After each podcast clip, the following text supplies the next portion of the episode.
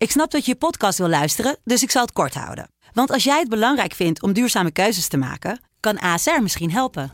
Nou hoor ik je denken, hoe dan? Nou, bijvoorbeeld bij het duurzaam herstellen van schade. Of de premies die we beleggen volgens ons duurzaam beleggingsbeleid. Dat bepaalt waar we wel en juist niet in investeren. Wil je meer weten over welke duurzame keuzes ASR maakt? Ga dan naar asr.nl slash duurzame keuzes. ASR doet het. Zo, dan kan je nu lekker naar je podcast luisteren.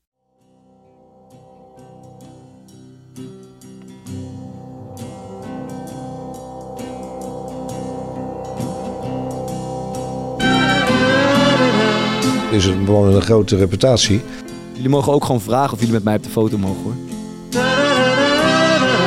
Ik vind het niet sociaal om, uh, om mezelf nu uh, een beetje te gaan promoten. Ik, ik doe het voor jullie. hij, blijft, hij blijft het doen, ja. Ja, dat begrijp ik niet. Maar goed, dat zal wel. Ja, Joost Vergang had een plaksnoor meegenomen en gevraagd of hij die op wilde plakken. Maar... Dat is echt leuk, ja. Het is gewoon, het is gewoon super confronterend. Ja. Ah, je doe even die snor op, joh.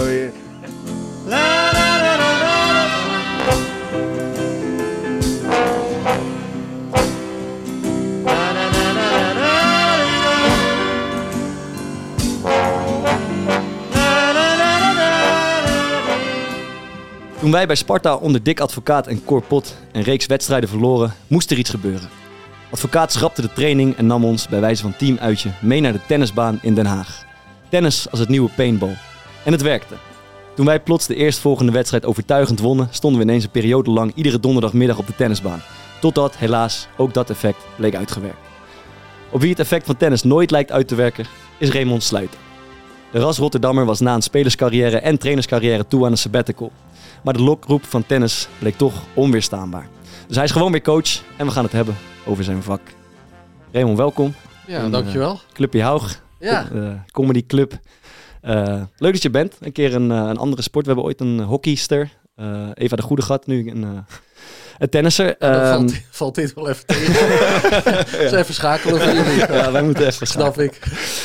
maar voordat we beginnen moeten we ja, toch even over vorige week, op vorige oh, week terugkomen. oh, oh. Het was pijnlijk. We hebben weer eens wat goed te maken. Uh, Sorry. Want uh, wij schitterden door afwezigheid. Wij zaten vorige week exact in dezelfde studio. Um, alles gegeven. Alles ik, denk ons beste, ons beste aflevering ja, was goed. tot nu toe. Ja. Buzzers erin, ja, alles. De derde helft, de een na de andere anekdote. Maar uh, wij komen de zaak uit. En het SD-kaartje zat er niet in. Komt iemand toch uit de studio aanzetten met zijn hand in het haar? Ja, ja, ja.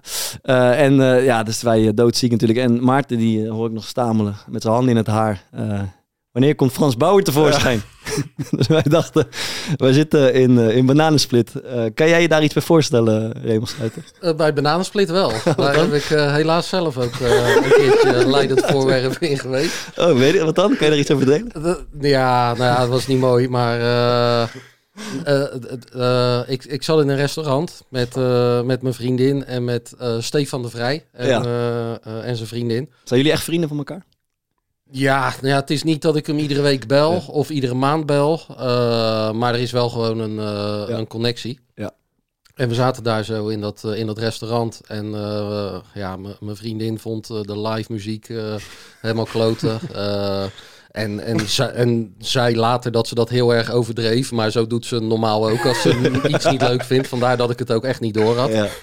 En Stefan en zijn vriendin zaten ernaast en die zeiden niet zoveel. Maar die zegt normaal is het ook niet dat hij de oren van je kop af lult. Dus daar had ik het ook niet door. Nou ja, en die, zij begon zich steeds meer te ergeren aan de live muziek. Totdat ze ineens uh, midden in een vol restaurant uh, uh, die gitaar of een viool, ik weet niet eens meer wat het was, bij die gozer uit zijn handen trekt. En keihard tegen een muur of, of tegen een pilaar geloof ik kapot sloeg. ja, en, en ik kon niet zo snel schakelen van, goh, ze is af en toe gek, maar zo ja. gek is ze ook weer niet. Ja. Dus ja, ik dacht echt van, wat de fuck is dit? Ik had echt hartslag 200. Nou, toen liep ze naar het toilet en ik zeg, wat de fuck is er met jou aan de hand? Wat de fuck is er met jou aan de hand? En ik hoorde maar niks en ik hoorde maar niks. Toen kwam ze eruit, toen moest ze al keihard lachen. Toen duwde ze me zo weg en toen, ja, toen liep ze naar binnen. En toen stond inderdaad uh, Frans Bauer uh, daar zo. Dus, uh... Mooi. Thomas, we zagen jou weer met je televisieshirtje. Ja, ja, dat ik, vond ik nou wel echt tof. Man. dat is goed, hè? Dat je dan je gewoon een jas eroverheen hebt, maar dat je dan voor ons toch nog dat streepjeshirt onderaan ik, ik doe het voor jullie. Hij, blijft, hij blijft het doen, ja. Ja, ja, dus eh, ja, dat ging goed. eh, loting. Mijn, mijn microfoon deed het niet. Nee, je- je was- jij deed de loting voor de beker, eh, wat is Ja. het, bekervoetbal bij ESPN. Ja, ze hadden me gevraagd. Ze vertelden van ja, je gaat samen met Rijdo eh, Poepon eh, die loting doen. En ik wist dat hij bij IJsselmeervogel speelde. Dus, eh, dus die, die, die zou ik die middag zelfs nog tre- treffen. Dus ik was wel blij dat wij, eh, dat wij wonnen. Anders sta je daar denk ik toch eh, met een stuk minder eh, goed gevoel. Dus eh, ja, was, wel- was gezellig daar. Geen warme, geen koude bal. Nee, ja, ik zat nog te denken van, kan je zo'n grap ja, maken? Maar is, is het überhaupt leuk? Ja, toen, toen dacht ik uiteindelijk van ja. wat, wat had je voor grappen in je gedachten? Ja, eh, om gewoon te vragen of ik, eh, of ik de warme balletjes moest pakken, weet je, zoiets. Zoiets. Ja, een beetje verschieren. Ja, ja. Ja. Ja, maar toen dacht ik van ja, ja wat, eh, Jan-Joos Verganger had al een hele leuke grap uitgehaald. Ja, oh ja. Dus, Wat dan? met, Ja, exact, met, met ja. die, met die plaksnor. Normaal, no- normaal doet die gast van de KNVB, die, eh, die is er dan bij. Die, eh, die heeft altijd zo'n snor, Heinrich heet die. Ja. Alleen die was ziek, dus nu hadden ze eh, iemand die, eh, ja, een soort van eh, Jan van Halst slash Erik ten Hag lookalike hadden ze gevonden. Ja, nou, zowel qua looks, maar ook een beetje Ja. qua, qua hoe die, Ja, hoe die klopt, is. Ja, klopt. ja, ik zag het, ja. En eh, Jan-Joos Verganger had een plaksnor meegenomen en gevraagd of hij die op wilde plakken. Maar dat, dat ging hij niet doen. Zou jij dat doen, denk je? Een plaksnor op? Ja, als Jan-Joost van Gangela aan jou zou vragen, doe, Nee. ah, je doe even die snor op, joh. Je- Hè? Nee, nee, nee. Ik kan eh, slecht tegen groepsdruk, maar die kan ik nog wel eh, weerstaan, denk ik. Jij? Nee, ik had het ook niet gedaan. Ik had het ook niet gedaan. Hebben jullie eh, Messi eh, achter, achter het muurtje zien liggen van, van, van de week? Ja, Ik had, ik, had er, ik had er moeite mee. Ja, ik weet ja? dat jij het zou Nee, ik begrijp niet dat mensen daar zo moeilijk over doen. Heb jij het gezien, Raymond? Ja, ik heb het gezien. Ik ben heel vaar. benieuwd of het dan... eh, eh, wie is het? Po- Pochettino, volgens mij toch? De coach, dacht ik, van PS, Ja, klopt, eh, klopt. PSG. Of dat dan van tevoren echt... eh, of, dat, of dat al door hem eigenlijk ingegeven is. Of dat nou, ja, die gasten onderling zoiets hebben van... Nou ja, hij is de kleinste, dus in de muur heb je ook niet zoveel aan hem. Want je krult hem er vrij makkelijk overheen Ja. als hij een beetje traptechniek hebt. Dus Ja. laten we hem maar eh, liggen. Maar ja, dat hij dan vervolgens ook gewoon gaat liggen. Ja. No- normaal is zo'n keeperstrainer dat toch, die standaard situatie. Ja. Dat hij dan de Messi toegelopen, van je ligt achter de muur. Ja. Zo. Ja, ik snap eigenlijk ook niet dat er zoveel ophef, op, ophef over was, man.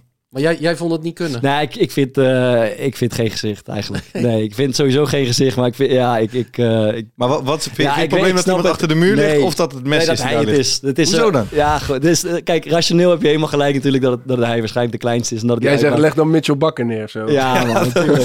Ja, dat- het is, eh, ligt hij zo onhandig, zo schiet maar tegen me aan. Dat wil je toch niet van Messi? Misschien hebben ze hem ook het maar, want het was volgens mij een blessuretijd. Misschien hebben ze ook maar betaald voor 90 minuten. Ja, dat is, Misschien moeten ze nog, goed Ja.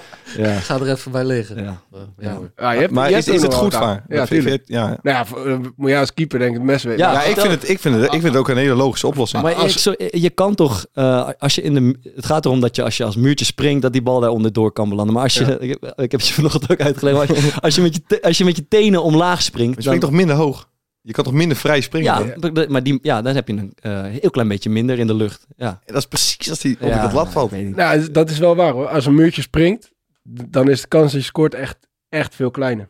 Dat is gewoon, eh, het is echt kut als je, als je het idee hebt van muurtje gaat springen, dat is, dat is niet relaxed. En, en soms heb je van die, eh, en daar mik je ook dan wel een beetje op. Je, ik probeer wel, tenminste dat deed ik altijd, als ik een beetje wist wie er in de muur stond, Ja. probeerde ik wel te kijken naar, naar wie is degene die ze, waarvan de kans groot is dat hij zijn hoofd terugtrekt. Ja, ja, ja. En dan mik ik hem daar overheen. Of zijn handjes omhoog. Ja, eh, ja. Volgens mij, Koeman vroeger toch? Ronald Koeman. eh, volgens ja, die schoot hem dan... eh, Ja, maar de eerste dat- zou ik ook gewoon- weglopen. De eerste gewoon vol in de muur. Ja, ja. Dat hij wist dat hij bij twee wel eh, uit elkaar zou vallen. Bart, Ja. eh, Bart Vlietstra had er een hele analyse vandaag in de krant over. en, geschreven dat het oorspronkelijk uit Brazilië kwam, waar het eigenlijk is begonnen. Eh, en daar stond ook een, eh, een, eh, een weetje in dat het eigenlijk, dat kwam volgens mij van Frank Heijnen, dat de muurligger zal waarschijnlijk nooit een bal tegen zich aankrijgen. Want de vrije trappernemer gaat het sowieso niet laag schieten als er iemand achter de muur ligt. Dus je ligt eigenlijk het hele seizoen daar. nul. je gaat nooit een bal blokken. Maar daarom is Messi, ligt daar. Hij kan maakt- niks gebeuren. Ja, dat is ook Hij zo. maakt toch ook reclame voor die chips? Op zich zit daar best wel dik dat hij daar zo dan nog even, dat hij even zijn zakje over Ze zouden in photoshoppen zeggen. Ja, toch? Ja. Ja, ja. Dat, eh, dat is trouwens best een leuk artikel, dus eh, ga dat lezen. Jij nog Eh, wat gedaan, vriend, van het weekend? Eh, eh, ik ben naar Waardenberg en eh, de Jong geweest. Vrijdagavond. Was, was echt leuk, was echt goed. Gisteren Ben je ook geweest of niet? Ja, ik Ja, ben, goed, eh, ik ben eh, eh, voor corona ben ik, eh, ben ik al Ja. geweest. Ja, ik, ik vind ze leeg. Ja, was, Ja. Ik, ik wist dat eh, mensen ermee wegliepen, dus ik was eh, benieuwd om met eigen ogen te zien. Maar het was echt het was steengoed. Het was echt leuk, ja. Ja, ze hebben geloof ik een aantal scènes een beetje meer naar deze tijd getrokken. Ik geloof ja. de scène in de snackbar met eh Charles wel, Doe mij een vegan baan, Ja, joh. ja. quinoa rolletje. Eh, Met havermelk. ja, ja, echt eh, legendarisch. Ja, het is echt goed. Ja, het is echt dat goed, is zo mooi. eh, Dat is echt een mooie, een mooie sketch. Jij nog wat eh, meegemaakt? Ja, ik heb dus vrijdagavond een, eh, bij Excelsior, bij de maatschappelijke tak, een avond gepresenteerd. Ja. En wat was ik blij dat jullie er niet waren, zeg. Dat geloof ik, ja. Ja, ik was er dus wel, maar ik, ik, ben het, ik was vergeten. Dus anders Nee, maar het, het was, eh, Oh, het was, in de tuin niet van daar. Kamer. Ja, ja, ja. Je zag er corporate uit. Met een blouseje onder je Spencer. en een microfoontje in zijn hand. Ja. Ben jij snel een eh, ex-voetballer geworden, zeg. Maar, maar check jij mijn profielfoto gewoon af en toe? Want ik heb die foto veranderd en ik krijg gewoon uit de niets een bericht van jou. Goed foto. ja, ik zat er toch weer eens naar te Lekker corporate of zo stuurde je. Maar eh, young professional. Huh? Young professional. Young Ja. professional. Ja, nee, dat ging allemaal prima. Maar ik was, zeg maar, aan het begin moest ik mezelf gaan, zeg maar, een beetje introduceren. Want Ja. die mensen daar kennen me misschien een beetje, maar niet heel erg. Maar toen moest ik dus net het, eh, we hadden net het verhaal erover dat je dan iets bijvoorbeeld doet voor een krant. Ja. En dat je dan op dat moment bewust bent van, hier gaan mensen wat van vinden. Toen dacht ik ook van, stel nou dat jullie daar met z'n tweeën aan zo'n tafel hadden gezeten. Dan was ik toch zo ontiegelijk gaan stotteren. en terwijl ik daaraan dacht, eh, begon ik ook dus een soort van liggen vast. Omdat je dan met je, je bent aan het praten en ineens dwa- dwaal je met je gedachten weg. Wat een druk, hè? Dus jullie zijn er altijd bij. Eh, je, kreeg, je kreeg wel lovende, lovende recensies. Ik heb een paar mensen gesproken na de wedstrijd bij Excelsior en die waren, eh, die waren heel positief. Laten we serieus een keer gaan kijken. dan. Nee. Ja, dat, ja, ja. Ja, dus dat was, eh, dat was mijn weekend eigenlijk. Leuk. Ehm eh, Raymond, wij eh, kunnen er niet omheen dat het niet heel veel scheelde of jij had in de voetbalwereld eh, gewerkt. Klopt, is dat hè, zo? wat ik zeg. Is, dat zo? Ja, nee, we, we lazen dat jij een, een tijdje in de race was eh, als teammanager van Feyenoord. Jouw club is Feyenoord, Ja, ik aan. Ja, ja. absoluut. Eh, ja dat heb jij eh, op het laatste moment eh, afgezegd. Maar Ja, het was niet het laatste moment Oké. of zo hoor. Dat eh, kan je wel vertellen hoe het, ga- Ja. hoe, het- hoe, hoe het gegaan is, eh, zo kort mogelijk. Ik zat bij, eh, nou ja, eigenlijk bij jullie grootste eh concurrentenpodcast eh, zat ik. Of een van jullie grootste Mhm. concurrenten. En daar kwam eh, de vraag, ik weet niet eens meer of het van, eh, eh, eh, of het van, van Martijn kwam of van, eh, van Michel. Eh, van ja, er komt een uh, teammanager positie komt vrij. Bas van Noordwijk die, die stopt. Eh, is dat niet wat voor jou? Ja. Eh, ik zeg, nou ja, als er echt een nieuwe koers eh, gevaren gaat worden, zoals hij dat dan zo mooi zegt, dan, ja, dan mogen ze me bellen als ze denken dat ik in een bepaald profiel pas. Dus dat is wat ik gezegd heb. Eh, en toen belde Mark Koevermans, die belde mij een weekje later. En die zei, als hij bij ons wil werken, kun je me gewoon bellen hoor. Ik zeg, ho, ho, ho, ho, ho. ik, zeg, ik zeg, dan moet je nog even een keertje goed luisteren. Ik zeg, want zo is het niet gegaan. Dus toen zei ik tegen hem hoe het gegaan is. Hij zegt, nou ja, het lijkt me wel leuk om een keer te praten. Nou ja, toen heb ik met hem gepraat. Toen heb ik gehoord wat het allemaal inhield om eh, teammanager te zijn. En, wat, wat houdt dat in? Ik kreeg ondertussen eh, eh, ik kreeg ik al een berichtje van, van Ron Vlaar. Want die had het van mijn vriendin gehoord Ja. dat, nou ja, dat, dat, dat ik daarvoor in de running zou zijn. Nou ja, en die heb in een, in een hele lange eh, app heeft hij eigenlijk uitgelegd van niet doen. niet. Weet je wel? Dat was een, vraag. hele serieuze app was dat denk ik. Oh, ja. Dat Ja. was mijn vraag. maar Heb je enig idee waar je in terecht gaat komen? Maar dat weet je inmiddels dus wel. Dit Nee, is- ja, niet dus, weet je wel. En eh, eh, hij heeft dat toen verteld allemaal op kantoor met eh, Frank Arnees of Arnissen. Ik weet eigenlijk Ja, niet ja. eens wat ik precies moet zeggen. Eh, en toen, nou ja, toen had ik eigenlijk, daar had ik al kunnen zeggen van, nou jongens, Dit veel succes. Maar toen heb ik gezegd van, Ja. ik denk er nog even over na. Toen heb ik hem twee dagen later heb ik hem een berichtje gestuurd. Ja. Alleen toen kwam er een itempje voorbij bij, eh, wat is het nu, Veronica Insight? Mhm. Of is het wa- wat het heet? En die begonnen er toen over. Ja, ik, ik heb geen zin om dat verhaal Nee. dan nog vijf of zes keer Snap te ik. moeten vertellen. Dus Ja. toen heb ik meteen naar hun gestuurd van...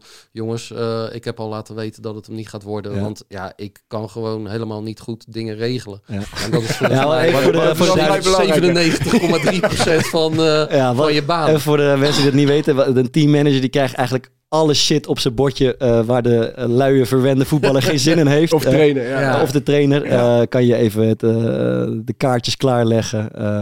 Kan je dit shirtje even signeren? Wat, wat moet er? Parkeerplekken zijn niet geregeld. Parkeerplekken, Het ik heb eten een is koud. Lekkage, lekkende kraan thuis. Kan je iemand voor me bellen? Eh, Ja, ik heb, ik heb geen eten, waar. ik heb eten in de koelkast. Kan je mijn boodschappen doen? Ja. Het is echt, je kent zo gek. Ja, buitenlandse wil- brieven openen van buitenlandse spelers die er niks van begrijpen. De Belastingdienst Connect. Dus- Huizen, huizen Als- regelen. Als die jongens heel hard trainen, wil ik op zich best hun hondjes uitlaten. dat vind ik echt nog geen probleem. Maar Ja.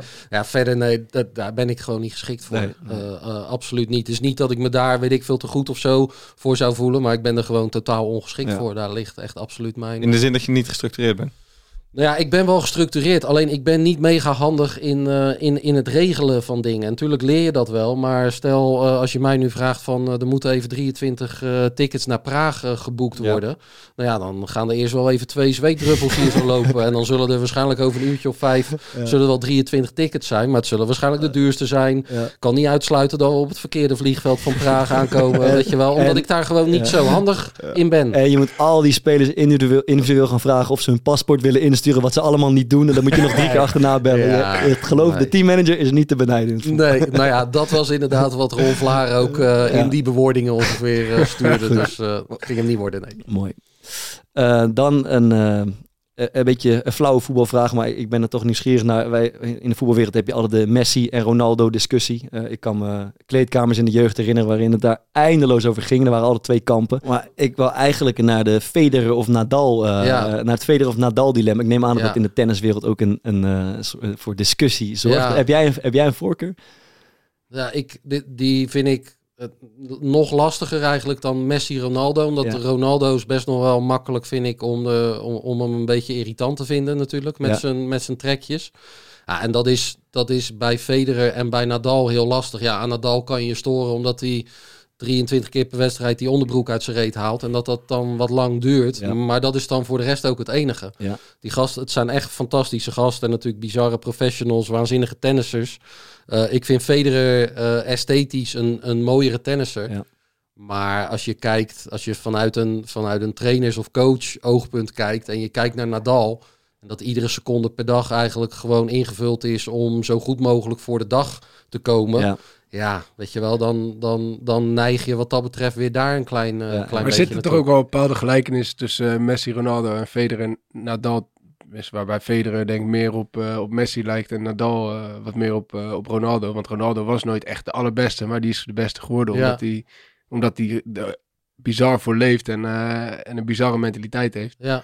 En Ja, dat is volgens mij met Federer en Nadal ook wel een beetje eh. Zeker qua werklust. Maar als ik dan Ronaldo nog met iemand zou moeten vergelijken, denk ik eerder aan Djokovic. Ja. Nou ja, dat is Ja. natuurlijk ook echt een bizarre, eh, bizarre prof. Ja. Eh, eh, eh, qua resultaten net zo goed, beter zelfs nog dan Federer en Nadal op dit punt. En die heeft met Ronaldo een beetje, nou ja, van Djokovic kan ik dat meer zeggen, maar Ronaldo steekt het volgens mij ook heel erg dat veel mensen meer ja. naar Messi trekken. Ja. Nou, en dat heeft Djokovic ook heel erg. Ja. Weet je, die, die heeft eigenlijk alle cijfers al eh, eh, aan zijn zijde. Behalve dan meeste Grand Slams. Ze hebben alle 23 gewonnen. Maar hij heeft meer weken op nummer 1. Hij heeft meer andere grote toernooien gewonnen. Ja. Dus hij heeft niks meer te bewijzen. Alleen hij wil ook dat als hij dat stadion binnenkomt... dat Ja. gewoon iedereen voor hem is. Wat Federer en Nadal overal hebben waar ze op de wereld komen. En dat heeft hij niet. En wat dat betreft vind ik hem een klein beetje meer Ja. ja. van Ronaldo weg hebben. Dat je toch nog ja, een beetje dat eh, miskent Mhm, eigenlijk. Weet je wel, dat, dat gevoel een beetje. Ja, ze zeggen ook wel eens dat, dat Ronaldo nooit zo goed was geweest, nooit zoveel had gescoord als Messi er niet was geweest. maar. Ja. Dat hij Messi echt Ja. heeft gebruikt om zichzelf... eh, Maar dat zegt, Dat zegt Federer ook over Nadal. ja, ja, Ja. en Djokovic ook. En Murray, die zich daar een aantal Ja. jaar tussen getennist heeft. Ja, dat ja, als die gasten mee wilden komen met de rest, Ja. ja. dan moest je steeds maar weer aan je, wil niet zeggen zwakke punten, maar min sterke punten werken Ja. om weer mee te komen. En dat is, Ja. ja. dat is wel fantastisch. Dat is toch misschien een beetje wat die Michael Jordan zei. Dat iedere keer als dan iemand anders iets beter deed, dat, die, dat hij dat zo persoonlijk opnam. En dat Ja. heeft Ronaldo volgens mij ook wel erg. Als die Messi Ja. dan weer iets had gewonnen, dan wordt, ja, gozer krijgt gewoon complete kortsluiting. Ja. Komen we denk ik zo even Ja, zo zeker. terug. Ehm, want eh, we moeten... Een, eh, het is tijd voor een voetbalverhaaltje. Eh, we hebben, eh, de, er komt, we moesten eerlijk gezegd, eh, het publiek moest even op gang komen. Er kwam, eh, kwam een hoop matigs binnen, maar gaandeweg is de inbox gevuld met ook een paar mooie verhalen. Ehm, Er komt ook nog steeds een hoop troep binnen. ja, ja, ja nee, maar ik blijf dat vooral doen, want er zitten een paar paaltjes tussen. Eh, er, er was ook iemand die, had, die was nog eventjes in, in mijn verhaal over de Witte de Witstraat gedoken. die, had een, die had een fotootje weten te vinden dat er wel paaltjes waren op de Witte de Witstraat in 2016. Maar dat waren gewoon eh eettafeltjes. Ja. Ik heb dus nog Maar- steeds... dat- Wel leuk geprobeerd. ja, ik heb dus nog steeds dat e-mailadres en dan zie ik ineens dat één bericht geopend is en, en ook al beantwoord. Kijk zo, dat zijn gewoon eettafeltjes. Wel leuk geprobeerd. Goed, Thomas. Goed, en eh, deze week hebben we weer wat binnen. Het is een duo-verhaaltje van Casper 50 Schild en Alex van Megen. En het heet Bruno Martins Indy, de bekende jazzgitarist. Dat is een goede titel. Ingeleid met het stukje onderstaand verhaal wilden Alex en ik graag met jullie delen naar aanleiding van jullie rubriek in de Core Podcast. Voor de zekerheid hebben we het bewijs maar in de bijlage toegevoegd. Er zit een foto bij. We willen immers uitsluiten dat Bruno, of toch weer Thomas, dit verhaal zal tegenspreken. Daar komt hij. Zo'n 9, 9 à 10 jaar geleden besloten mijn neef en ik om na het voetballen een Surinaams broodje te scoren bij de Banaan. Toen de tijd een begrip op bakkers- en groente, groenteboergebied en gevestigd op de Slingen in Rotterdam-Zuid. Toen wij daar in de rij stonden viel ons oog op een man die verdacht veel weg had van Bruno Martins Indy. Het gekke was wel dat Bruno op tv zes keer breder en groter leek dan deze verschijning in de banaan. Na even wikken en wegen besloten we toch, dit is Bruno Martins Indy. Dit is iets wat natuurlijk doorverteld diende te worden. Zonder bewijs zou niemand je geloven dat Bruno ook een broodje bij de banaan zou hebben gehaald. Twee verlegen tieners die we waren, besloten wij eh, dat dit moest worden vereeuwigd. Maar vragen om een foto, dat is toch best eng. Uiteindelijk, aangemoedigd door mijn neef, besloot ik om onopvallend een foto te maken. Het enige waar ik niet bij stil had gestaan, de flitser van mijn telefoon stond nog aan. Bruno draaide zich om en wij stonden daar met schaamrood op de kaken. Bruno keek ons aan en zei, jullie mogen ook gewoon vragen of jullie met mij op de foto mogen hoor. Die kans pakten we, natu- pakten we natuurlijk met beide handen aan. Omdat we met z'n tweeën waren, vroeg ik een oudere dame om een foto te maken. Die vrouw wilde dit best doen, maar wilde ook weten wie de vermeende BN'er in kwestie was. Waarop Bruno duidelijk geamuseerd en knipoogend naar ons antwoordde. Ik ben een bekende jazzgitarist. Was getekend, ja, ik vond het leuk hè. Ja, is goed. zeg het maar. Hoeveel eh, sterren geven we deze? Van hoeveel? Van de Vijf vijf? sterretjes te Nou ja, wel, eh, wel minimaal 3,5. Drie- 3,5 vier, sterren. vier, vier sterren. Ja, ja. Raymond, een cijfertje kan Nee, ik vind het wel, ik vind het wel een goed verhaal. Ik vind vind het leuk, wel ja. een, eh, een 4 plus. Leuke reactie Ja. van eh, Bruno. Ja. Ehm, nou ja, de, de, de lijnen zijn nog open. Uh, corepodcast.gmail.com Eh, Mocht je een, eh, een, een voetballer eh, in het wild zijn tegengekomen, moet er wel een leuk verhaaltje aan zitten. Ehm dan gaan we het zo even hebben over, eh, over coaching. En, en misschien zelfs of de voetbalwereld wat zou kunnen leren van eh, eh, de benadering van het tennis. Ehm, wij hebben het eh, Easy Toys panel ook iets gevraagd. En eh, Maarten, ik geef, geef het stokje even over. Met je zwoelste stem eh, mag je hem even inspreken.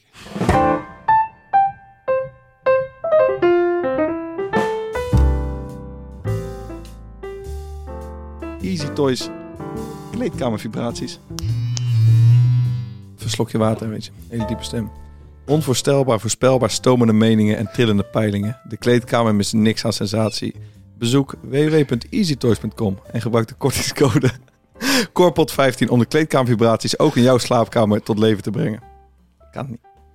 Hij zet weer een stemmetje. Hij valt- In de tweede hij zin, hè? In de tweede zin. Ik hoorde hem ook en ik zag vrienden opveren. Of hij heeft iets ingestudeerd, dan hoor je het gelijk. Dan heeft hij een heel ander stemmetje dan... eh, Ja, ik heb ook gewoon het heb ook met een soort van druk te maken die ik zo van jullie twee ervaar als er zoiets gebeurt. Nee, want de eerste keer dat het gebeurde, toen wisten wij het nog niet. Dus, dus het is iets wat je zelf hebt. Goed. Heb, Ja. hij, heb hij even beslist. Eh, nee, een van de dingen waar we het over gaan hebben straks is ehm, coaching met tennisspelers. En dat zijn natuurlijk eh, individuen. En in een voetbalelftal is het heel anders, omdat je als trainer, eh, Thomas kan beamen, over een hele groep ehm, ja, beslist. En daar moet je met de hele groep moet je contact houden.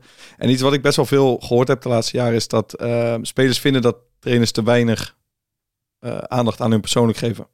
En dat ze nooit even een praatje maken of echt interesse tonen. Ik weet, sommige jongens hebben daar helemaal geen behoefte aan. Bart, als ik naar jou kijk, volgens mij... jou nee, eh, dat is niet waar eigenlijk. Het, ik, vind, eh, ik vind het eigenlijk jammer dat het niet gebeurt. Echt? Ja. Maar dat, ja, maar het komt niet van mij uit. Ik ben niet de, de persoon die heel makkelijk amicaal is met de trainer. Maar ik zou het eh, gewaardeerd hebben als de trainers eh, af en toe eens een momentje hadden gepakt van... Hey, eh, wat, ja, hoe is het eigenlijk thuis? Of, eh, ja, ik, ik, of denk, wat, ik denk eh, niet dat het zo is dat sommige jongens dat daar helemaal geen behoefte aan hebben. Ik, ik, ik, eh, maar is dat dan niet zo Nee. dat, dat dat in de rest van de staf dan wordt opgepikt en dat daar de assistent-trainer... eh, Ja, dat is idealiter wel wat een assistent doet, maar... dat gebeurt niet altijd. Er zijn ongetwijfeld uitzonderingen, maar in mijn ervaring gebeurt heel weinig. Ja. En dat is best wel raar, want je werkt elke dag met elkaar. eh, vrij intensief, maar eh, ja, echt, echt gewoon even iets over je persoonlijke leven eh, delen, dat is er nauwelijks bij. Van Gaal komt dan natuurlijk altijd met dat totale mensprincipe van, eh, weet je wel, dat- oké, weet je, eh eh, sms'je of weet ik voor je verjaardag. Of, Ja, maar je zegt Oké, het nou ik lachen, was maar, de- maar dat is dus het rare, dat iedereen daar altijd met zo argwanend naar kijkt. Terwijl het natuurlijk wel gewoon iets best wel moois is. Maar Nee, doordat hij dat zo ik- ik- ik eh, heb er uitdraagt. vind het fantastisch. Ik heb er alleen- altijd cynisch naar gekeken, maar ik, ik, gaandeweg heb ik, ben ik een beetje gaan rondvragen. En het blijkt, hij blijkt dat echt te doen. Dus Ja. de, de kalender, hij heeft een kalender waarbij hij de verjaardagen van de vrouwen bijhoudt. Maar ook even... Die eh, Adrie Poldervaart doet het ook, man. Die ja. appte mij dus vorig jaar nog om Ja. te feliciteren met Lisa. ja, dat Ja, serieus. Ik vind het trouwens sowieso bizar in de voetballerij. Ik heb ook al eh, eh, ergens een keertje eerder gezegd. Weet je wel, eh, hoe spelers gekocht worden en dan maar ergens vaak weggezet worden op een, eh, redelijk appartementje. Eh, en waarschijnlijk nog net twee foldertjes of twee adressies van, eh, van, van goede thuisbezorgrestaurants. Ja. En zoek het voor de rest maar uit. En daarom moest jij teammanager worden. Nou ja, weet je wel, ik, dit verhaal heb ik ook al keer eerder gezegd. Met, met Guidetti, weet je wel, toen speelde Vlaar en de Vrij, die, die speelde nog bij Feyenoord. Ja, met die gozer zijn we gaan tennissen en met die gozer zijn we gaan golven. En ja, ja weet je wel, en, en niet dat hij daardoor ineens ballen erin Ja. ging trappen. Maar dat, Alleen die was in het begin was die echt doodongelukkig En kwam- op appartementje op Zuid. En Het- bij mij kan dat er niet in als hij zoveel betaalt ook nog eens een keer voor iemand. Dat je vervolgens maar denkt van nou ja, we zien wel of die, of die zich lekker voelt en of die ze erin trapt of niet. Bij eh, Marcus Edwards, die had Excelsior gehuurd van eh, toen we nog in de Eredivisie speelden bij, van, van Tottenham.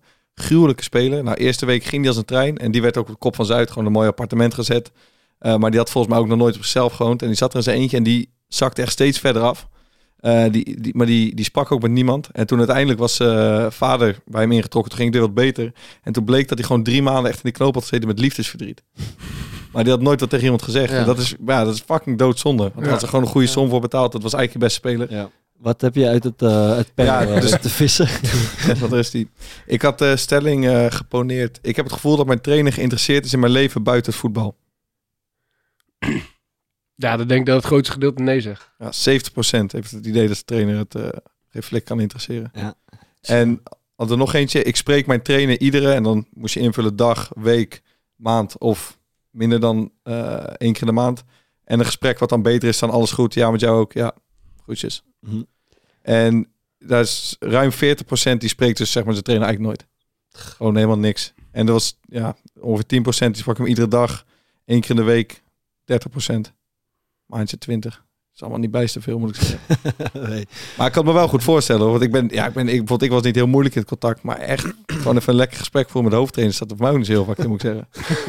Nee, nee, dat was ook, eh, maar dat is sowieso ook nooit echt, eh, echt makkelijk. En dat is ook mijn ervaring, zeg maar. Het is altijd een beetje, eh, je hebt nooit echt gelijkwaardig gesprek, zeg maar, met, met, met de hoofdtrainer. Ja. Dus dat, dat maakt het denk ik ook wel wat ingewikkelder. Waardoor jongens misschien ook wel, waardoor je ook extra barrière door moet als trainer, zeg maar, om, eh, om iets uit jongens te krijgen. Ja. Dus, dus Ja. het ligt niet alleen, eh, ligt Ja, niet en er alleen wordt, er wordt vaak toch gezegd over goede trainers. Nou, wat maakt dat zo goed, dat seizoen? Eh, ja, dat, eh, dat de wisselspelers zo tevreden waren. En volgens mij zit hem dat wel zeg maar daarin. Dat is een mega kwaliteit. Ja, dat je gewoon goed contact hebt met je, met je wisselspelers. Voor mij zou de kunst zijn, en nou ja, dan, hè, dat je, dat je, eh, dat je net boven de groep staat. Ja. Weet je wel? En niet dat je er ver boven staat, maar dat ze dus ook bij je terecht kunnen als, nou ja, dat komt van verhaal inderdaad, maar eh, eh, eh, als mens zijnde. En natuurlijk zal je zo verschrikkelijk veel op je bord hebben en moet je die taken gigantisch goed Ja. verdelen tussen je staf. Alleen ja, iemand zien weg, ja, we- we- we- wegkwijnen, ja, dat, dat, moet gewoon Ja. niet, dat moet gewoon niet kunnen. Nee. Kijk, dat iemand minder gaat voetballen kan natuurlijk altijd. Maar ja, iemand moet toch wel daar terecht kunnen. Gewoon sowieso persoonlijk vlak, maar ook op professioneel vlak. Maar ik, ik denk dus wel dat er geen trainer is die het hiermee oneens is, zeg maar. Dus, Nee, dus de- ja. En ze zeggen ook allemaal altijd Ja. de eerste week, ik, ik, deur staat altijd open. Ja, is goed. Ja. Ja. Eh, Ten Hag had er eh, bij, eh, bij Go Ahead, dat hij, het eerste wat hij deed toen hij trainer van Go Ahead werd, was de deur van de trainerskamer eh, van glas laten maken. Als een soort psychologisch effect van, kijk, het is oh, transparant, openbaar, je kan gewoon binnenlopen. Maar dan nog, eh, het is een leuk trucje denk ik, maar dan nog is die drempel eh, mega hoog om, daar, ja, je- om, Ja, om er en- zomaar even naar binnen te stappen en, en te vertellen wat je op je hart hebt. Geen idee, weet je wel. eh, kan natuurlijk ook zo zijn in de voetballerij. Als iemand zich niet zo lekker voelt. En ik geloof geloof dat, nou ja, dat weten jullie honderd keer beter dan ik, dat het, dat het onderling best wel hard kan zijn. Ja. Weet je wel? Dus ja, als jij, wil niet zeggen een lievelingetje, maar ja, als Ja, jij ja, net ja. wat meer aandacht Ja. krijgt van de trainer Ja. en dan... Nou, je bent gelijk zijn zoontje. Ja, dat, ja, ja. gelijk zijn zoontje. Ja. Maar ja, weet je wel, als dat, en als dat dan natuurlijk iemand is die gevoelig is, weet je wel. Ja. En in de voetballerij moet je dat gewoon kunnen, kunnen hebben. Ja. Maar daar moet je dan als trainer Nee, ook maar- weer rekening mee Ja, houden. ja, Dus dat het is ligt waar. inderdaad wel echt heel... eh, Ja, ik, Heel ik heb wel meerdere keren in mijn carrière gehad dat ik echt wel behoefte had zeg maar, aan een gesprek met, eh, met de trainer. En, en, en dat het gewoon echt weken duurde voordat ik het juiste moment soort van eh, vond om hem aan te spreken. Want dan zat, klopte ik aan, zat hij niet in zijn kamer, weet je wel. Of, eh, of dan zag ik, zaten alle assistenten ook in Ja. de kamer. Ja, dan ga, je ook niet, dan ga je ook niet naar binnen. En inderdaad, ik vind het is ook niet relaxed als iedereen ziet dat jij even bij Ja. de trainer binnenloopt. Dan ben je inderdaad, dan word je gelijk zoontje genoemd. Of assistent trainer.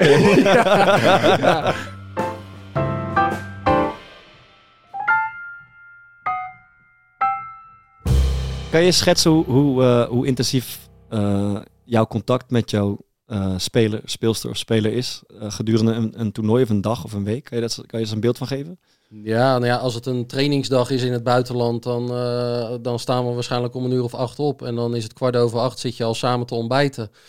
Pak je daarna je spullen boven. Half tien stap je samen in de auto naar de tennisclub. Eh, je gaat de warming-up ga je, eh, ga je samen doen. Vervolgens ga je trainen samen. Vervolgens zit je te lunchen samen eh, in het spelersrestaurant. Vervolgens wordt er weer getraind. Nou ja, ik zit er dan niet naast wanneer die gemasseerd wordt. Maar daarna gaan we weer samen terug met de auto naar het hotel. En s s'avonds eten we samen. En als je dan heel lang met elkaar samenwerkt, dan, ja, weet je wel, dan, dan als hij bijvoorbeeld, of als je het aanvoelt, of eh, hij zal misschien ook een keer zeggen van, hij vindt het ook wel gezellig om een keer alleen met twee of drie andere spelers te gaan. Dat is natuurlijk ook hartstikke Ja. goed. Ja. Nou ja, dan doe je dat een keer. Ja. Maar voor de rest ben je dus echt bijna gewoon ieder moment ben je samen. En dus krijg je daarin krijg je zoveel momenten, want soms ontstaat er ineens iets. Nou ja, we hebben het net gehad over nou ja, dat je ergens mee zit en een gesprek met de trainer eh, eh, graag zou willen hebben. Ja, wij zitten iedere keer zitten we samen. Weet je, en dus als ik voel dat er wat aan de hand is, eh, ja, dan kan ik tegen hem zeggen van, goh, is er wat aan de hand? Maar als ik weet dat hij er niet zo makkelijk over praat, Ja. ja, dan pak ik een, zij, eh, pak ik een zijweggetje. En dan, weet je wel, dan begin ik over een ander onderwerp wat daar een beetje op lijkt, of over iemand anders wat daarop lijkt. Waardoor je denkt van, ja, dan krijg ik misschien krijg ik eruit wat ik wil horen, of waarvan ik denk dat het dwars zit. Ja. Nou ja, en zo kan je eigenlijk de hele dag dus ja, met één persoon, dat bedoel ik totaal niet dirigerend, maar kan je daarmee spelen. En ja, die informatie is wel buitengewoon waardevol. Ik kan hem wel pushen, pushen, pushen, maar als hij al twee weken ruzie heeft met zijn vriendin eh, iedere dag en eh, tot twee uur s'nachts aan de telefoon zit. En ik blijf hem maar pushen om harder te trainen eh, en er komt niks uit. Want ja, hij is niet fit, hij slaapt niet genoeg, hij is licht geraakt. Weet je, ja, ja. je moet weten wat er aan de hand is om tot een zo goed mogelijk plan te kunnen komen. Ik, ik las, eh, ik denk dat het over uh, Griekspoor ging, eh, dat hij een trainer nodig had die eh, achter zijn flikker aan zit. Ja. Eh, en dat zou jij dan zijn. Ja. Klopt, ben jij een type trainer die een speler achter zijn flikker aan zit? Ja, ja dat wel. Hoe, en, eh, hoe, probeer je dat? Nou ja, eh, hoe ik dat het beste kan zeggen is... als ik vind dat iets niet goed is, dan zal ik dat tegen hem zeggen. Eh, altijd. En dat klinkt heel normaal. eh, maar hij betaalt mij. Hij betaalt mij. Zo simpel is het. Dus nou ja, dan kan je best wel voorstellen dat als ik dat baantje mega graag wil houden... en ik ben min of meer afhankelijk van zijn salaris... ja, ga ik dan met hem dat gesprek aan. Van, goh, ik vind dat je niet hard genoeg traint. Of ik vind dat je er slecht bij staat op de baan. Of, ik, weet je wel, ik vind je gedrag vind ik niet oké. Met best wel een behoorlijke kans. Een moeilijk gesprek kan twee kanten opgaan. Daarna is de lucht geklaard en het gaat beter daarna. Of hij zegt van, ho eens even, eh, ik betaal jou toch? Ja. Hup, volgende trainer. Zo gebeurt het heel veel in de, in de tenniswereld. Ja. Heb je en- dat zelf wel eens gedaan? Nee, nee, nee, Nee. Nooit. En nou ja, als trainer eh, ja, zeg ik dus gewoon wat ik, eh, eh, wat ik vind. Dat is, nou ja, dat is wat hij wat hij van mij kan verwachten. Maar bijvoorbeeld als, ehm, als hij met de warming-up een beetje met zo'n halve kop erbij loopt. Ja, Van vandaag even niet. ja, je spreekt hem direct aan. ja dan zeg ik, wat dacht je ervan, ouwe? Gaan we biljarten vandaag of zo? ik heb bij Kiki Bertens, waar ik lang mee gewerkt heb, heb ik na een maandje of vier, stond zij halve finale WTA-toernooi, was haar gedrag, was, nou ja, mijns inziens niet, eh, niet goed. Hadden we dag ervoor, eh, hadden we besproken, Hadden we een afspraak over gemaakt. Gedrag was niet goed. Ik heb op 2 en in de derde set heb ik mijn tas gepakt. En ik ben in het spelersrestaurant gaan zitten. Wat, wat, wat is er mis met gedrag? Wat, wat, Nou, gooien, zeiken, heb ik weer, wat een pech. Sta je daar zo in de zon in 27 een graden. soort halve zelfmedelijden. finale. Ja, weet je wel. En dat kan altijd een keer. Maar als dat de dag daarvoor gebeurd is. En we hebben dan dus echt strakke afspraken gemaakt van... Nou ja, oké, kan een keer gebeuren. Ja. Maar laat dit morgen niet gebeuren. Want anders zitten er consequenties aan vast. Ja, als ik dan blijf zitten, ja, dan zijn mijn woorden niks meer waard. Nou ja, dan ben ik dus gewoon... Dus ja, je gaat dan weg om, om het soort van ervoor te zorgen dat ze, dat ze het gevoel heeft dat ze dat niet nog een keer moet doen. Of de- om het uiteindelijk wel beter te maken. Zo. dat, dat ik hier niet achter sta. Ja. En dus heb je s'avonds heb je een, eh, een heel zwaar moeilijk gesprek. eh, eh, waarbij zij misschien wel denkt van ja, misschien moet ik maar eens aan een andere trainer gaan denken die wel gewoon blijft zitten. Ja. Ik leg uit waarom ik het doe omdat ik, nou ja, A, er niet in geloof dat zij met die houding beter gaat worden. En B, ik zelf als sportman, eh, eh, eh, dat is altijd B, omdat je in dienst staat van. Maar natuurlijk is er ook altijd een, een stukje van jezelf wat je, Ja. ja. wat, je, wat, wat je niet kan handelen. Als zij niet oké is naar scheidsrechters of, of, of wie dan ook. Ja, dan, dan is het allemaal hartstikke leuk en aardig dat ze mij betaalt. Maar het is niet zo dat ik haar dan in alles gelijk ga geven. Je, eh, als je het over Kiki Bertens hebt, is eh, onder eh, jouw coaching eigenlijk van, ik geloof van buiten de top 100 naar plek 4 gestegen. Eh, misschien een beetje een moeilijke vraag, maar welk deel van die prestatie ehm, zouden we als jouw verdiensten kunnen toeschrijven? Kan je daar iets over zeggen? Ik denk dat ik Kiki heel goed heb kunnen helpen in naar iemand die echt wel gewend was om behoorlijk te trainen. Maar twee uur per dag behoorlijk goed trainde. Een warming-upje van 10 minuten, kwartiertje misschien. Geen cooling down. Massage, één keer in de twee weken. Dat soort dingen. Nou ja, heb ik haar denk ik kunnen helpen door er steeds iets aan toe te voegen naar iemand waar ik de laatste twee jaar dat ik met haar gewerkt heb, waar ik gewoon zelf zoiets had van ja, ik heb hier niks meer aan toe te voegen qua professionaliteit. Ja. Zij leefde echt gewoon iedere seconde voor, voor tennis. Dat Ja. zat in de voeding, dat zat in de verzorging, dat zat in de rust, dat zat echt in, eh, in alles. Hoe is het om van zo'n in- eh, intensieve samenwerking eh, naar helemaal niet meer samenwerken te gaan? Eh, dat was he- eh, heftig voor mij, omdat, nou ja, weet je, eh, ik vind het sowieso waanzinnig om iedere dag met tennis bezig te zijn. Maar die persoonlijke component, die voor mij heel erg belangrijk is, en die toen, nou ja, eigenlijk helemaal wegviel, dat, dat, ja, dat was voor mij wel zwaar. Eh, alleen zij had heel erg het gevoel, en dat snapte ik ook wel, dat als er contact met mij zou zijn, dat dat misschien weer een beetje in de weg zou zitten met het contact met de nieuwe trainer. En dat snap ik wel, omdat ja, weet je, eh, ik ben gewoon niet zo goed in mijn mond houden als ik iets niet goed vind. Weet je wel, dus ja, als eh, dat, nou ja, zij deed toen eh, drie of vier maanden nadat wij gestopt waren, deed zij geen persconferentie na een, een, een landenteamwedstrijd bij de Fed Cup. Ja, was gewoon onder mij niet gebeurd. Ja. En dan hoorde ik achteraf, ja, ze was zo ziek van verloren en ze heeft lopen kotsen in de kleedkamer. Ja, heeft ze bij mij ook vier of vijf keer gedaan. Alleen dan zei ze na een uur, zei ze, ja, ik ga echt geen persconferentie doen. Dan zei ik, ja, dan, dan ga ik naar huis. Want het hoort er gewoon bij. Je verdient bakken vol met geld. Ja. Dit hoort gewoon bij je werk. Wa- Was zij niet aan het eind van de rit ook gewoon eh, een beetje moe van jou, om het maar zo te zeggen? Het was te veel. Zo Ja. doodmoe. Ja. Nee, maar dat, Kan je je wel. voorstellen? Tuurlijk wel, ja. En ik kan het me ook heel goed voorstellen. Je hebt gewoon uitge- eigenlijk uitgeknepen, dan eh, zo voelt het. Ja, ja, maar wel altijd, eh, altijd samen het plan gemaakt. Weet je wel? En dat vond ik wel een beetje vervelend, want dan, ja, dan, dan lees je achteraf dingen. En ik heb ook wel dingen over haar gezegd waarvan zij zal denken van, ja, dat vind ik niet zo leuk dat je dat achteraf zegt. Maar ik heb altijd dingen eerst met haar besproken. Van oké, als jij nog deze stap wil zetten, dan gaat dat wel dit en dit en dit inhouden voor mij. Want ik denk dat we dit en dit en dit nodig hebben om die volgende stap te zetten. Eh, eh, are you in? Zij bepaalt dat natuurlijk uiteindelijk, Ja. weet je wel. Ja, oké, nee, gaan we doen. Eh, oké, gaan we doen, maar dat houdt dus wel in dat dit en dit en dit moet Ja. gebeuren. En als je dat een keer niet doet, dat ik je daarop aan ga spreken. Ja, oké. Weet je wel, het is niet zo geweest dat ik iedere dag maar eh, heb gezegd van... en we gaan nu dit doen en we gaan nu dat doen. Want ik vond het juist super belangrijk, helemaal in een individuele sport... Ja, dat, dat het is haar carrière, weet je wel. En zij moet het gevoel hebben, zij moet het ook uiteindelijk doen. Ja. Eh, hoe meer zij zelf initiatief gaat nemen... eh, en dat dingen echt van haar worden in plaats van dat ik haar maar instructies geef die ze uitvoert. Ja, hoe, hoe, beter, je, hoe beter je wordt. Misschien voordat we eenmaal op, op die persoonlijke mentale kant ingaan, kan je misschien uitleggen we, eh, of iets zeggen over waarom tennis zo'n fucking mentale sport is? Want ik vind altijd bijvoorbeeld, het, het, eh, als, ik aan, als iemand over tennis begint, dan moet ik altijd aan Robin Haase denken, die dan gaat schreeuwen dat die muziek uit moet. Ja, Zet die muziek uit! Ah!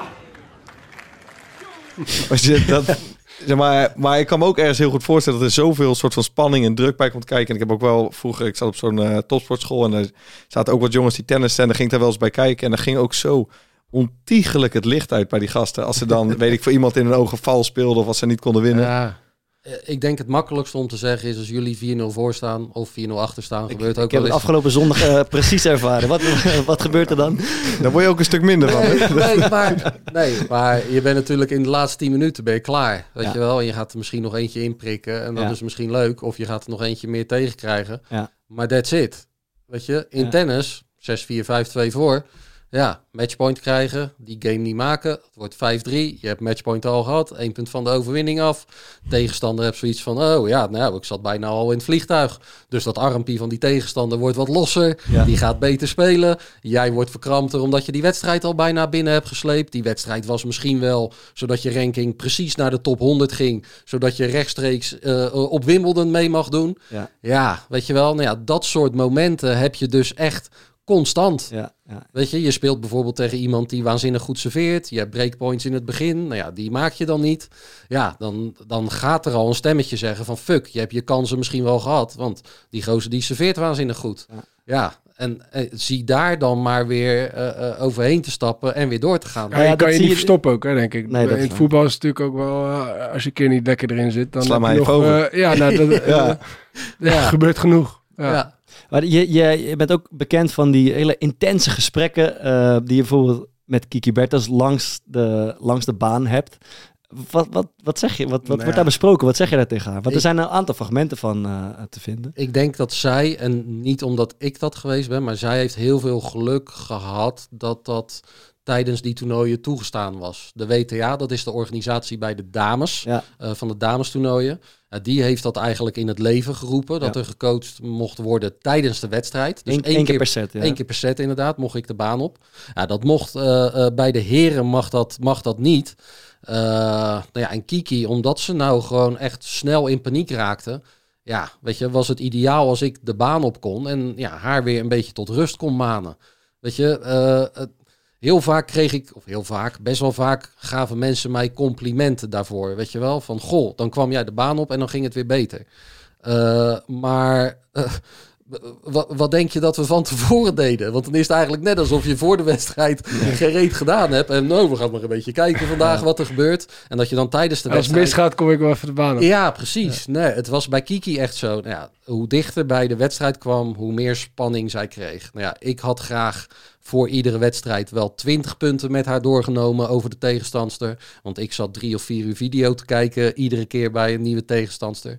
Maar zij was zo gespannen dat ze maar één, misschien twee dingen wilde horen. Ja. Nou ja, dan moest ik een afweging maken tussen die twintig dingen. Van welke twee dingen denk ik dat de grootste impact hebben. Nou ja, die stop ik er dan in vijf minuutjes voordat ze de baan op gaat. Want dan is de kans het grootst dat, ze het, nou ja, dat het blijft hangen. Want anders neemt die spanning het weer over. Nou ja, die dingen waren dan best wel vaak weg. Nou ja, dan had ik gelukkig eh, de mogelijkheid. En zij had de mogelijkheid om mij te roepen. Zodat ik eventueel nog met dingetje 3, 4, 5 eh, kon komen tijdens die breaks om haar te helpen. Ja. En soms was het gewoon het herhalen van dingetje 1, 2 die zij door de paniek dan weer een beetje eh, ja, Ja. eh, kwijt was geraakt. Ha- Had jij, had jij daar zelf ook last van toen jij, toen jij zelf nog speelde? Van, van zulke, zulke spanning, dat je niet eens dingen echt kon... eh, Nee, ik heb als negen of tienjarig ventje wel gekotst op de parkeerplaats als ik een spannend wedstrijdje moest spelen. Maar later helemaal niet meer. Ja. Nee, nee, ik wilde heel graag. als Tevens ook wel, nou ja, buiten het feit dat ze echt doodmoe van me werd. eh, eh, eh, de grootste reden van de breuk. Want ik wilde hier wel naartoe. Ja. Weet je, ik wilde s'avonds gewoon even een kwartiertje, twintig minuten zitten over die wedstrijd van morgen om aan te geven. Ja. Ik wilde gewoon zitten over een wedstrijd als zij ja, niet lekker gespeeld had of er niet goed bij zat. Ik heb echt wel twintig keer discussie met haar gehad dat ik vond dat haar houding niet goed was tijdens een wedstrijd. dat zij zei van, nou ja, ik vond dat echt wel meevallen. En dat ik zei van, en dan zei ik het echt heel rustig van, nou, dan gaan we vanavond even kijken. Dan ja, vertel ik wat ik matige houding vind. Dan zeg jij wat je goede houding vindt. En dan kunnen we daar Ja. wat nader tot elkaar komen. Ja. En dan zei ze gewoon, nee, maar dan zie ik hoe slecht erbij staan. Dan wordt het morgen alleen maar weer slechter. En eh, daar voel ik me, weet je wel. Ja, zij zag dat dan zo als falen. Dat, dat is gewoon onzekerheid, toch? Nee, tuurlijk, 100%. Want ik herken dat van mezelf Ja. ook. Als ik een fout had gemaakt, wilde ik mijn beeld nooit terugkijken. Nee, ja. Dat gebeurt nogal eens, maar Super logisch natuurlijk, Ja. weet je wel. Eh, het is, ik, gewoon, zou, het is gewoon super confronterend. ik zou het ook niet fijn vinden als wij hier nu die Head Shoulders reclame terug gaan kijken met z'n vieren. Ik heb hem al klaargezet. Ja, ja, ja. Gravel the next level. nee, maar dat is hoe- natuurlijk wel zo. Ja. Ja. Maar, maar het zijn uiteindelijk wel de beste die, die daarvan leren.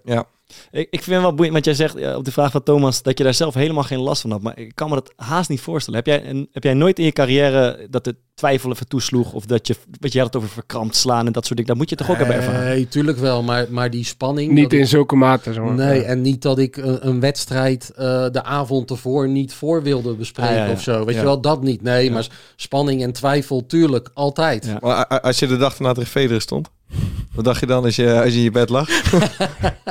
Nou ja, dan eh, zorgde ik alvast dat ik die 50 eurotjes klaar had om, eh, voor de les om eh, netjes te betalen. nee, ja, ik heb een paar keer tegen hem gespeeld en dan, ja, dan, dan ga je die wedstrijd ook gewoon in met een, eh, eh, met een plan. En daar ga je je zo goed mogelijk aan houden. En ik hield me dan vast aan het feit dat ik speelde in het begin van, de carrière, van zijn carrière een paar keer tegen hem. En dan kon die nog wel eens gek worden. Nou ja, dan ging je kijken of je hem in ieder geval tot dat punt kon, eh, kon krijgen. Dat is niet gelukt.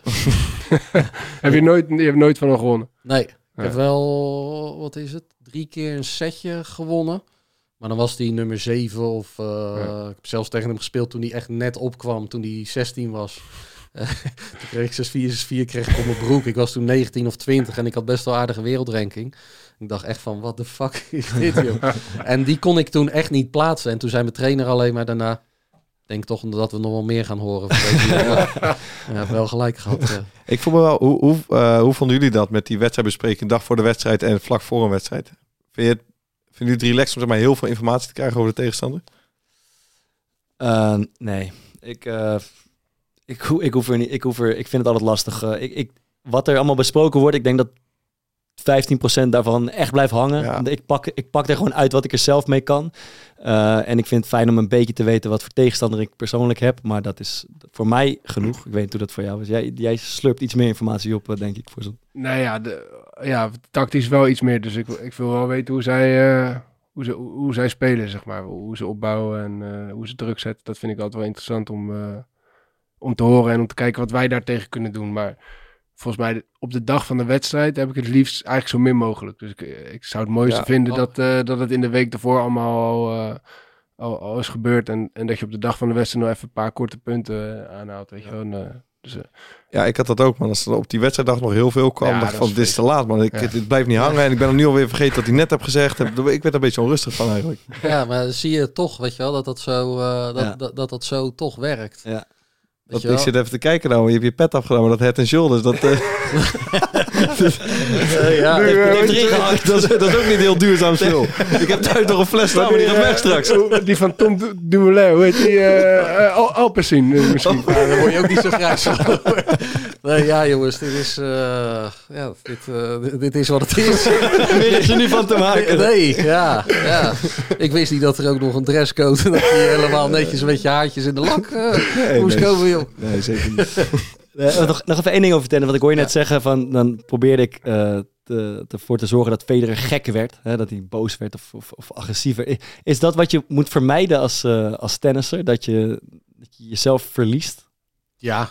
Je, ziet dat zo, je ziet dat zo vaak dat, eh, dat spelers beginnen te rammen met die rackets. En ik kan me dat ook heel goed voorstellen. Want eh, alle individuele sp- sporten die ik wel eens doe, eh, dat... eh, Als jij met two-touch verliest, dan gaat ook alles. ook, ja, maar door, ja. altijd dat je echt alleen maar je, dat het alleen maar jouw schuld is wat er misgaat. Ja, dat zorgt voor zoveel frustratie en agressie. Ik kan me Dat dat is, goed le- dat voorstellen. is lekker met voetbal. Kun je wegwerpgebaartje Heerlijk, doen ja. en verwijzen nog. op de golfbaan of de tennisbaan schiet dat echt niet op. Ja, Maar het kan altijd aan iemand anders ik heb een keer zo'n Frans Nee, ja, maar dat is, Ja. sorry, dat, dat is, maar dat gebeurt bij tennis natuurlijk wel, weet je wel. Want in principe Ja, de kan het aan scheidsrechter, ja. het kan in je trainer liggen. balletje kan wegstuiten, Ja, zon kan net in je gezicht, iemand muziek kan aanstaan. Wat, zet die muziek uit. Zet die muziek uit! Ja, ik, ik, heb- een paar jaar geleden was ik op het eh ABN AMRO eh, toernooi. En, en toen eh, was een Fransman, ik weet, ik weet even niet meer wie, wie het nou was. Maar die liet, gewoon, eh, die liet gewoon drie games lopen, omdat hij er klaar mee was. Die was helemaal, eh, die had een paar keer discussie gehad met de scheidsrechter. En vervolgens sloeg hij zijn eigen service game, sloeg hij alleen maar dubbele fouten. En, eh, en op de service game van de tegenstander eh, sloeg hij of, of sloeg hij niet, of sloeg hij alles uit. Het klinkt als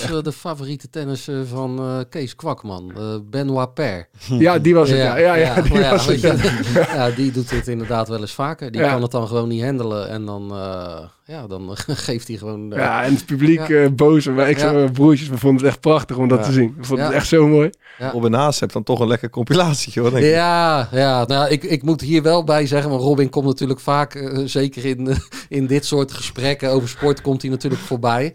Eh, maar die gozer hebben een fantastische carrière Ja. gehad. Weet je, alleen, ja, misschien net niet goed genoeg. Nou ja, eh, toevallig bij de US Open, eh, wanneer was het? Een maandje geleden stond Botik van de Zandschulp, stond in Ja. de kwartfinale. Nou ja, dat hebben best wel veel mensen dan ineens meegekregen. Eh, ja, Robin Hazen heeft regelmatig derde ronde gehaald. Eh, en dan maakte de speld weer een grapje dat eh, Robin Hazen alweer in het vliegtuig naar huis zat Ja. eh, en alweer zat te kijken. Ja, ja. Terwijl ja, als Robin Hazen bij een eh, straks op de Australian Open eh aankomt lopen dan, eh, en Federer ziet het, dan is het, eh, hey Robin, eh, heb jij al iemand om te trainen morgen?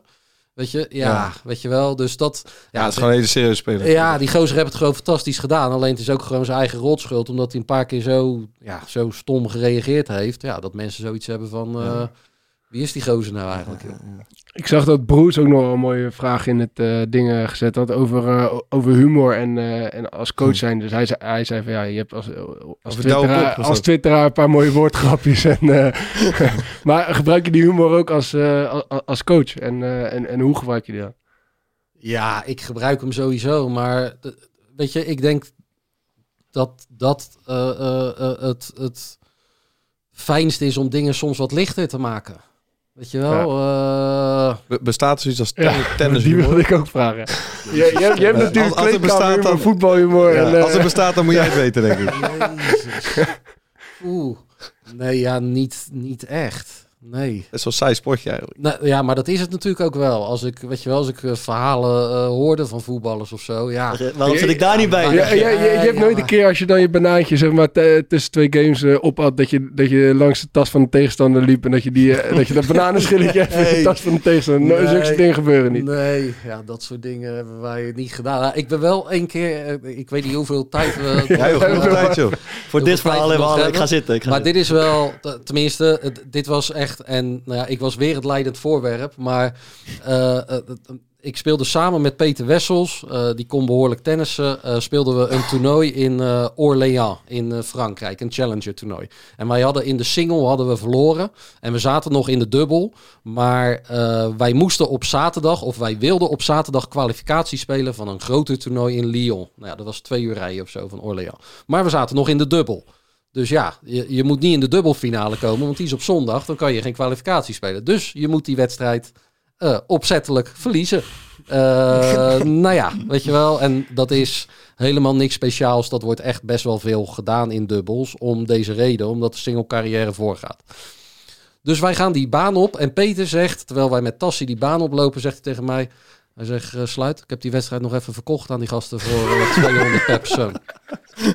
En ik zeg tegen hem, ik zeg domme klootzak. Ik zeg, je gaat toch verdomme geen risico lopen. We gaan het toch niet achterlijk lopen doen voor 200 euro hier zo. Ah joh, zegt hij gewoon straks in het eh, kleedkamertje, gewoon in het pocketje. Hij zegt, hebben we, hebben we, houden we er nog wat aan over? En ik, ik denk, ik zeg alleen maar domme lul. En ik denk er gewoon niet meer aan. En wij geven die wedstrijd heel vakkundig. Maar hoe doe je dat? Gewoon ballen uitslaan of het net? Of... Nee, ja, weet je wel. We speelden tegen prima gasten. Dus eh, je serveert eh, eh, 180 in plaats van 200. En je serveert alleen maar naar de sterkere kant van de tegenstander. En weet je, ik vertel dit nu alsof ik het iedere week deed. Weet je wel, deze situaties wil je ontwijken. Maar soms kom je er wel eens in. Afijn, wij geven die wedstrijd netjes 6-3, 6-4. Geven we, hem, eh, geven we hem weg. En de volgende dag zitten wij in de auto naar Lyon. Eh, en ik zit voorin, eh, de, onze trainer die rijdt en Peter zit achterin. En Peters telefoon gaat over, halverwege die weg. En eh yes, hallo, Peter Wessels. Hey, hello, Weller Evans. Weller Evans was een belangrijke man bij de ATP, bij de tennisorganisatie. Yes, hello Weller. Yes, yes, we are on our way from Orléans to Lyon. Yes, yes, yes, we lost doubles yesterday. Yes, yes. What? What do you mean? What do you mean we sold the match? Suspension? En mijn hartslag gaat door het dak. Door het dak. Ik zat in die tijd ook nog in de spelersraad, zat ik. En ik zag echt mijn hele carrière, of nou ja, voor zover je het dat mag noemen, zag ik echt helemaal in, ro in rook opgaan. Ik dacht echt, we zijn klaar, klaar, klaar. Eh, Yeah, yeah, yeah, yeah, let me talk to Ray and I'll call you back. Dus hangt op. Ik zeg, god, god, god, verdomme man. Ik zeg, ik ga hem wel meteen bellen. Ik, ge- ik geef er wel een draai aan. En ineens hoor ik zo links naast me en achter me hoor ik... Echt stikken ze er bijna in. Dus hij had helemaal niemand... Dit hele verhaal was gewoon van A tot Z was het eh, in gezet. Heel sterk. Ja, gewoon too good. Ja, Als het dus tennishumor is, dan... eh, Ja, ik vind het wel Peter sterk. Wessels eh, past, past er. Ja. ja, ja, even een applausje voor, eh, voor Peter Wessels. Ja. Mooi, mooi, mooi, mooi. De, ehm, ja, dan rest ons nog één ding en dan gaan we eruit met, eh, met een zooitje aanraders eh, voor de luisteraar. Je, je hebt er even over, eh, over na kunnen denken. Ja. Ik, ik ben heel benieuwd. Mocht echt helemaal. van alles zijn, hè? Alles zijn, ja. Ja, dan ga ik voor Bas Bakt. Eh, ik heb het adres, heb ik eventjes... eh, Oh, bij ik zie Hartman, Thomas, eh, Hartmanstraat. Hartmanstraat. Ja, weten deze jongens ook wel. Ja, ja. Ah, natuurlijk. Ja, eh, ja, nou ja, dan is het al niet echt meer een tip meer. Maar misschien zijn er nog wat luisteraars eh, eh, uit de buurt... of die een keer een weekendje in Rotterdam. Ze komen uit alle streken. Zo broodjes, gevulde cookies. Gewoon maïsbrood als je het iets gezonder wil hebben. Mooi open Echt. keukentje erachter. Echt. En eh, ik word niet gesponsord. Eh, de croissantjes zijn ook geweldig. Het, het is echt een fantastische zaak. Leuk. Dus eh, ja. eh. Het was Bas Bakt of de biografie van eh, Tony Adams. Eh, Ja, doe maar Bas Ja, Bakt hebben we- dat leidt, Ja. nou, Tony Adams dat is toch best wel ook Ja, wel... ook legendarisch. Ik kom me... o- Kom me Die- Dit is de, de voorstopper van eh, Arsenal. Ja, ja, ja. ja, en ook Die, Engels die aan de drank... Eh, snuiven Ja, en drinken. En, en die beschrijft dan daar zo hoe die eh, tijdens een EK of WK, dat durf ik niet meer te zeggen, dat Engeland eh, wederom een beslissende penalty miste. En dat het eerste, dacht, wat, eh, het eerste was wat hij dacht, hè, hè, kan ik eindelijk weer zuipen. Weet je, nou ja, die Ja. man die vertelt het zo, ja. Ja. vond ik ook echt een eh, fantastisch, eh, fantastisch boek. Vet. Ik heb, eh, nou ja, ik had vorige week in de aflevering die niet opgenomen was, had ik eh, Ted Lasso eh, Oh ja, dat was seizoen 2 aangeraden. Toen werd ik hard uitgelachen door deze jongens, omdat ik seizoen 1 ook al een keer had. eh, maar, de- Ben je klaar dat, dus, eh, ja, hij is, hij is nu klaar. Ja, dus, Goed. eh, ja is, eh, geweldig. Ik denk dat jij het ook leuk vindt, eh Raymond. Het gaat Ja, over een eh. Amerikaanse uh, American voetbalcoach die, eh, die in één keer een, een voetbalteam in Engeland eh, gaat coachen. Maar een beetje komisch, maar wel leuk. Maar dus dat ging hij nog een keer doen. Dus eh, ik heb nu een nieuwe serie eh, gevonden en dat heet eh, Succession. Ik weet niet of jullie dat kennen. ken hem, ja. Maar eh, ja, het is een beetje een eh, standaard verhaal. Het gaat over een, eh, een hele rijke, rijke man in, eh, in, in Amerika die een bedrijf heeft, een mediabedrijf, die, eh, die uiteindelijk op het randje van de dood zit, waar na hun, zijn eh, zoons en dochter eh, in een strijd verwikkeld raken om eh, wie, wie het op mag volgen en, en hoe dat dan precies gebeurt. Maar eh, het is mooi gefilmd en, eh, en, eh, en originele muziek. Dus echt, echt een goede serie. En het is ook wel redelijk snel, dus, je- dus je bent er zo doorheen. Een mooie, mooie serie. Waar staat hij op? HBO, Succession. Eh, ik ga andermaal voor eh, chansons. Vrijdagavond. hè. Eh, Rob Kemps dat toch? Robbie Kems en Matthijs van Nieuwkerk. Je wist eigenlijk op voorhand al dat het lekker ging worden. Rob Kems en Matthijs van Nieuwkerk kuieren een beetje door Parijs. Op zoek naar verhalen achter de bekende Franse zangers en zangeressen. En die Rob Kems blijkt een, een vat aan, aan verhalen te, te, te bezitten over ja, allerlei, allerlei zangers en, en, en zangeressen. En hij vertelt daar op een, ja, op een hele vrolijke, spontane manier eh, over. Hij verstaat echt de kunst van leuk doen eh, en spontaan doen zonder dat het irritant wordt het of is- televisieachtig wordt. Hij doet gewoon steengoed. Ongelooflijk. Ja. Want als je hem ziet stuiteren op het Ja. podium, Ja. hè, dan Ja, denk je ja, ja. van, wat is Ah, dit dat had niemand dacht. Hij gaat van links naar rechts zingen in het Frans.